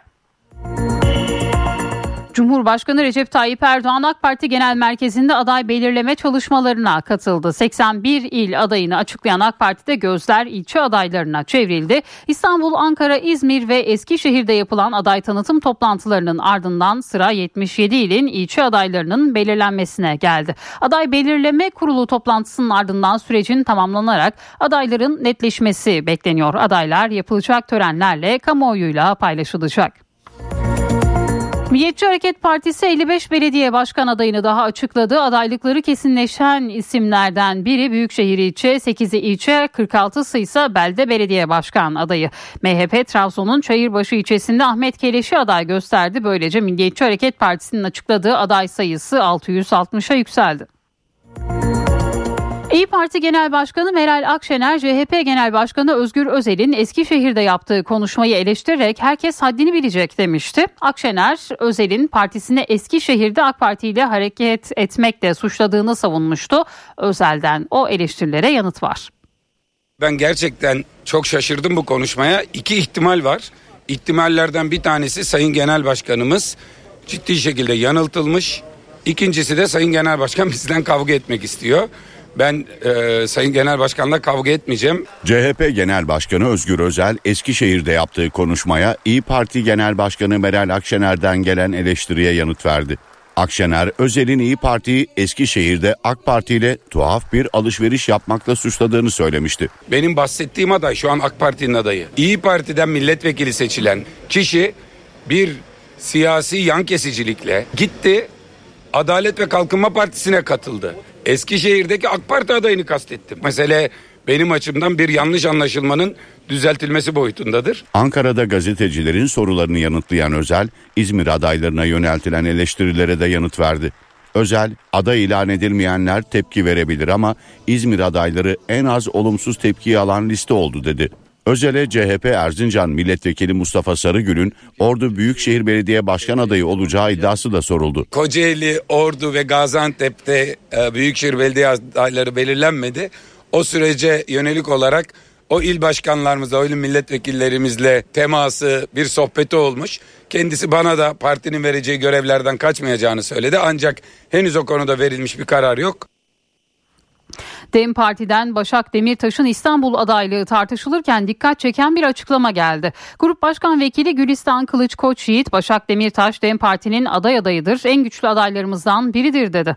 Koç Yiğit, Selahattin Demirtaş'ın eşi Başak Demirtaş'ın adaylık açıklamasının resmi başvuru niteliğinde olduğunu da belirtti. Koç Yiğit, Başak Hanım en güçlü adaylarımızdan biridir, Mayıs kampanyamızı da birlikte yürüttüğümüz yol arkadaşımızdır dedi.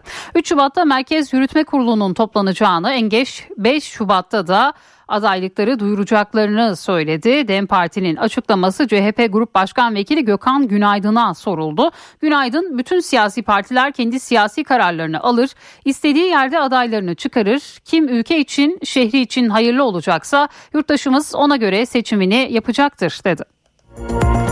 Memleket Partisi Genel Başkanı Muharrem İnce ise aralarında Ankara ve İstanbul'un da olduğu 24 ilçe için adaylarını açıkladı. Memleket Partisi Ankara Etimesgut'ta Ömer Özdoğan'ı, Pursaklar'da Murat Aslan Doğdu'yu, Sincan'da Ziya Kirzuk'u, Elmadağ'da ise Esra Gündoğan Murat'ı aday gösterdi. İstanbul'da ise Büyükçekmece adayı İbrahim Dönmez, Esenyurt adayı Tanju Karakuş olarak belirlendi. İnce İstanbul Büyükşehir Belediyesi için adaylarını tüm ilçeler açıklandıktan sonra İstanbul'da yapılacak basın toplantısında toplantısıyla ilan edeceğini söyledi. CHP'nin adayı Ankara Büyükşehir Belediye Başkanı Mansur Yavaş dün Bağımsız Türkiye Partisi Genel Başkanı Hüseyin Baş'ı ziyaret etti. İkili 5 yılda başkentte gerçekleşen çalışmaları değerlendirdi. Yavaş'ın 31 Mart'taki rakibi AK Parti'nin adayı Turkun, e, Turgut Altınok'a yönelik eleştirileri de vardı. Ankara'nın başkanı herkesin başkanı logosuyla ortaya çıktı. Ee, Bir belediye başkanı hizmet ettiği hiç kimseyi ayıramaz seçildikten sonra tümünü kucaklar. Beş yıl boyunca bu şekilde çalıştık. Ankara Büyükşehir Belediye Başkanı Mansur Yavaş seçim çalışmalarına devam ediyor. Yavaş, Bağımsız Türkiye Partisi Genel Başkanı Hüseyin Baş'ı ziyaret etti.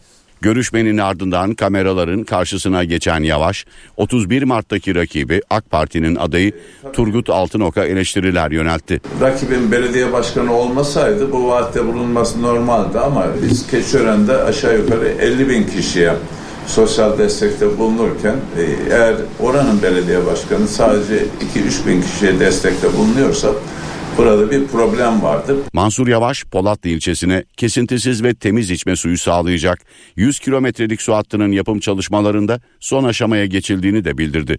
6 kilometresine kadar su ulaşan hattın Şubat ayının ortasına doğru tamamen dolması bekleniyor.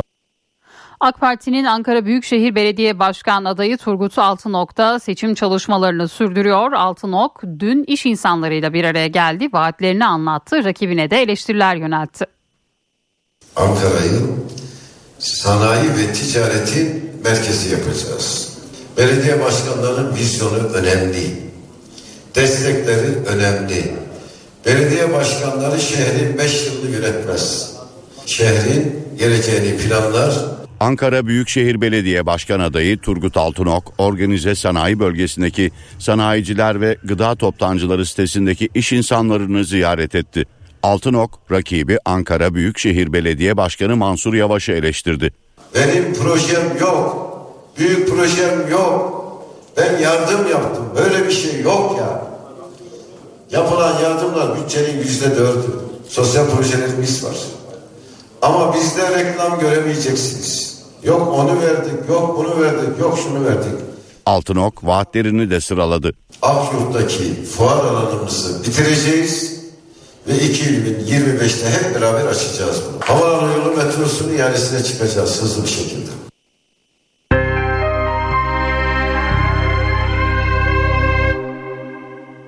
Rusya ve Ukrayna arasında bu yılın ikinci esir takası gerçekleşti. Yaklaşık 400 asker evlerine döndü. Geçen hafta rehine takasına katılacak 65 Ukraynalıyı taşıdığı iddia edilen bir Rus uçağı Ukrayna güçlerince mühimmat taşıdığı şüphesiyle vurulmuştu. İsrail saldırılarında Gazze'de can kaybı 26.900'e çıktı. Gazze'deki siviller zor şartlarda hayatta kalmaya çalışıyor. Saldırıların yoğunlaştığı Han Yunus'tan sivillerin kaçışı sürüyor.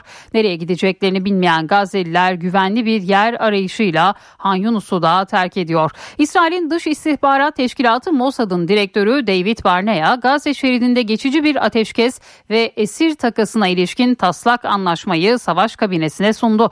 Gazze şeridinin kuzeyindeki Beit Lahiya'daki bir okuldaysa 30 kişinin elleri ve gözleri bağlı şekilde cesetleri bulundu. Hamas insan hakları örgütlerine infaza dair suçu belgelemeleri çağrısını yaptı. Filistin Devlet Başkanı Mahmut Abbas da Gazze şeridinin Batı Şeria'dan ayrılması veya bir parçasının koparılması şeklindeki plana izin vermeyeceklerini söyledi. Birleşmiş Milletler Filistinli mültecilere yardım ve çalışma ajansı ise Gazze şeridinde temiz suya erişimin bir ölüm kalım meselesi haline geldiğini açıkladı. Pandemi korkusu, deprem endişesi ve ekonomik zorluklar bu üç neden yüzünden Türkiye'de antidepresan ilaçların kullanımının giderek arttığı belirtiliyor. Öyle ki araştırmalara göre son 10 yılda yüzde 10, %75 oranında arttı. Antidepresan kullanıyor musunuz? Kullanıyorum. Kullanmak zorundayım. Kullanıyorum. Ne zamandır kullanıyorsunuz? 10 senedir falan var. Satışı her geçen yıl artıyor. Sebep olarak 3 neden gösteriliyor. Pandemi, deprem ve ekonomi.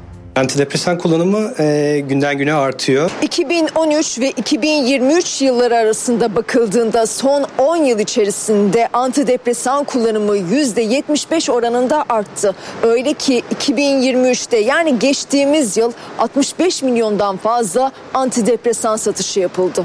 Rakamlara göre 2013'te 37 milyon 258 bin kutu antidepresan satıldı. 2023'te ise bu sayı 65,5 milyonu buldu. Maalesef. Hayat şartlarından dolayı diyorum. Buna bağlıyorum. kış sıkıntılarından. Artar normal yani. Şu şeyden sonra şartlarda. koronadan sonra yüzde 300-500 oldu.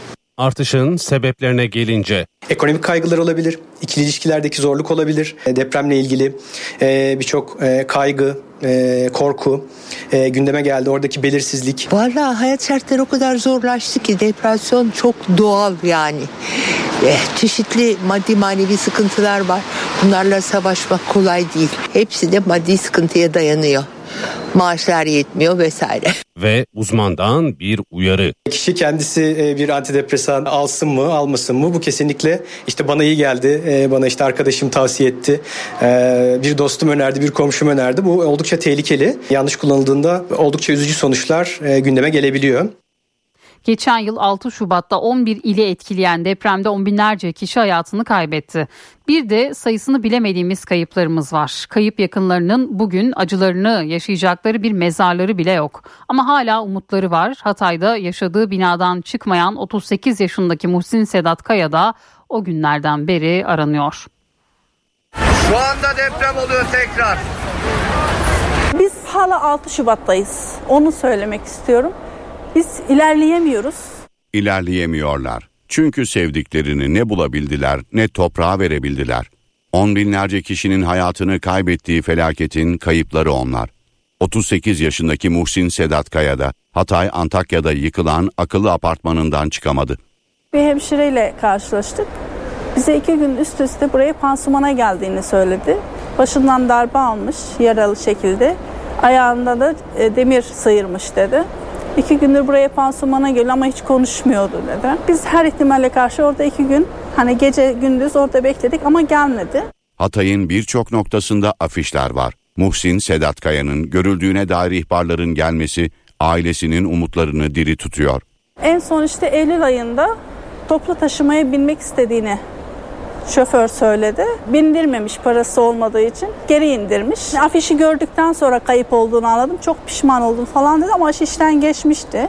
Deprem mağdurları ve kayıp yakınlarıyla dayanışma derneği çatısı altında 142 aile yakınlarını arıyor. Talepleri mecliste bir komisyonun kurulması. En azından bir komisyon kurulması gerekiyor. Biz kayıp yakınları olarak bir dernek kurduk. Demak altında. Ve orada inanın iki tane kız kardeş babasını arıyor. Onlar da çok ihbar aldılar. İsmet Durur adında. Ee, çok ihbar aldılar ama e, inanın onlar da perişan durumdalar. Birçok çocuğumuz kayıp. Bekliyorum. Beklemeye de devam edeceğim. Yani hiçbir şekilde e, pes etmeyeceğim. Bulana kadar devam. Deprem kayıpları için 6 Şubat itibariyle yani bir yıl dolunca gayiplik istemiyle mahkemeye başvurulabilecek. Mahkeme kararıyla gayip sayılanlar ölmüş gibi kabul edilecek. Birleşmiş Milletler'in dünyanın 10 sosyal gastronomi şefi listesine aldığı Ebru Baybara Demir 6 Şubat felaketi sonrasında deprem bölgesinde kurduğu gönüllü mutfaklarıyla bugüne kadar milyonlarca kap yemek üretti. Demir felaketin yıl dönümünde yine sahada olacak. Unutmadık sloganıyla Hatay'da konteyner kentlerde yemek dağıtacak. Ebru Baybara Demir 6 Şubat programını NTV Radyo'ya anlattı. 6 Şubat depreminin ardından ilk günden itibaren bölgedeydik. Öncelikle Osmaniye Kız Yurdu'nda, Osmaniye'de TRYK Yurdu'nda, sonra Maraş Kız Yurdu'nda ve en sonunda 9 Şubat itibariyle İskenderun Muhittin İbn Arabi Erkek Öğrenci Yurdu'nda mutfağımızı kurduk. Yaklaşık 6 ay boyunca 8 ilçede e, 120 noktada dağıtım ağı kurarak, lojistik ağı kurarak günde 75 kişilik yemek yaptık, sıcak yemek yaptık.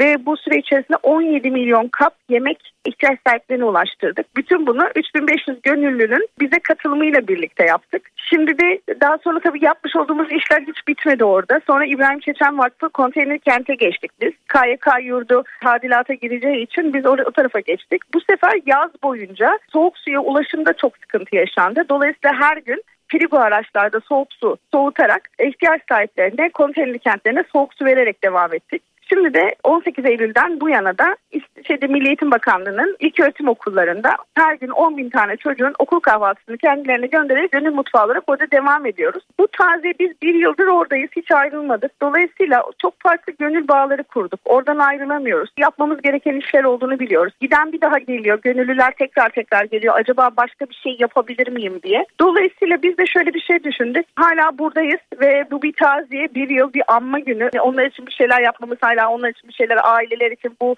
konu hala çok sıcakken bir şeyler yapmamız gerekiyordu. Biz de gelenekleri ve ritüellere uygun olarak bir taziye yemeği organize ettik. 10 bin kişilik bir yemek yapılacak. Konteyner kentler için onlar dağıtılacak ve o gün bir dua okunacak. Duadan sonra yemeği birlikte paylaşacağız ve ondan sonra bir anma gerçekleştireceğiz. Sonra kimsesinden mezarlığına gidilecek ve bir ziyarette bulunacak. Biz o günkü etkinliğimizi böyle planladık. Bütün her şey bağışçıların desteğiyle devam ediyor. Bizim Mardin'de bir kooperatifimiz var. Sosyal bir kooperatif. Bu kooperatif kar amacı gütmeyen bir kooperatif ve çiftçilerin türünlerini pazara ulaştırmak da gönüllü. Ama son bir yıldır karının büyük kısmını İskenderun'daki ve Hatay'daki ilkokul çocuklarına yapmış olduğumuz kahvaltı projesini desteklemek için kullanıyor. Ama bizim de gene bu 10 bin kişilik yemekte katkıda bulunmak isteyenler olursa bizim Topraktan Tabağı Kooperatifi üzerinden orada yemekte kullanılacak malzemelerin satışı devam ediyor. Siz onları aldığınız zaman bizim mutfağımıza geliyor ve biz onları yemek yapıyoruz ve ihtiyaç sahiplerine ulaştırmaya çalışıyoruz.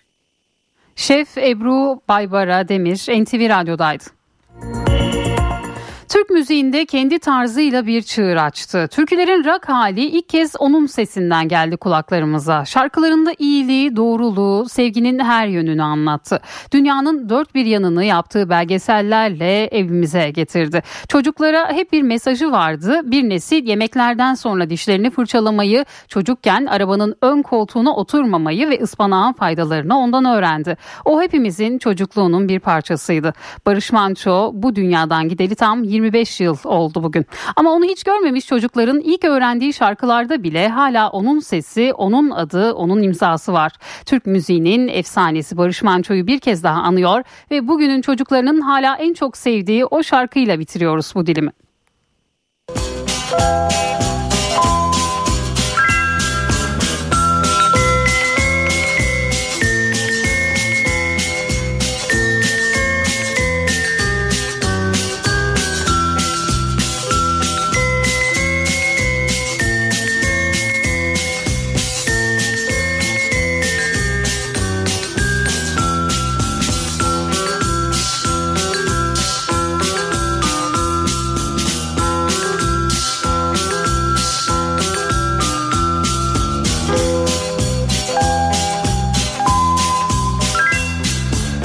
Yıl oldu saymadım köyden göçeli.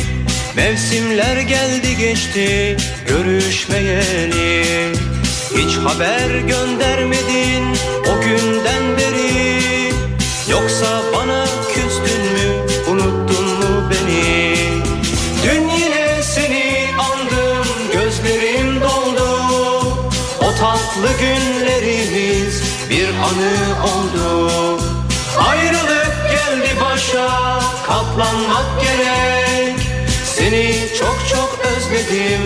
arkadaşım eşek Arkadaşım eş arkadaşım şek arkadaşım eşek Arkadaşım eş, arkadaşım şek, arkadaşım eşek.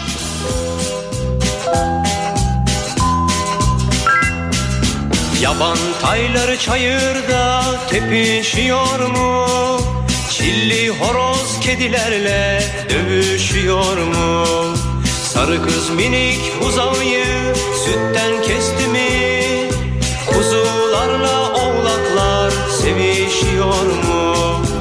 Uzun kulaklarını son bir kez salla Tüm eski dostlarımdan bir haber yolla Ayrılık geldi başa katlanmak gerek Seni çok çok özledim arkadaşım eşek Arkadaşım eş arkadaşım şek arkadaşım eşek Arkadaşım eş, arkadaşım şek, arkadaşım eşek. Arkadaşım eş arkadaşım şek arkadaşım eşek Arkadaşım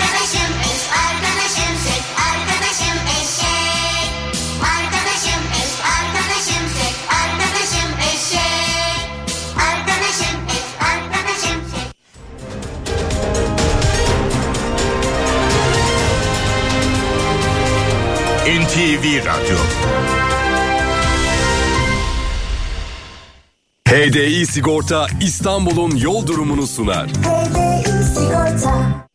İstanbul'da trafikte yoğunluk haritası %47'yi gösteriyor. 15 Temmuz Şehitler Köprüsü'ne giderken Anadolu'dan Avrupa'ya geçişte Çamlıca Beylerbeyi arasında sabah yoğunluğu var. Fatih Sultan Mehmet Köprüsü'ne giderken de Çavuşbaşı Kavacık arası yoğun. Her iki köprüde de Anadolu'dan Avrupa'ya geçişte bir araç yoğunluğu gözleniyor. Avrasya Tüneli ise çift taraflı açık Avrupa yakasına gelindiğinde E5'te Avcılar Florya arasında trafik var. Tem'de ise Bahçeşehir Altınşehir arasında sabah trafiği gözleniyor. Yolda olanlara iyi yolculuklar diliyoruz. HDI Sigorta İstanbul'un yol durumunu sundu. HDI Sigorta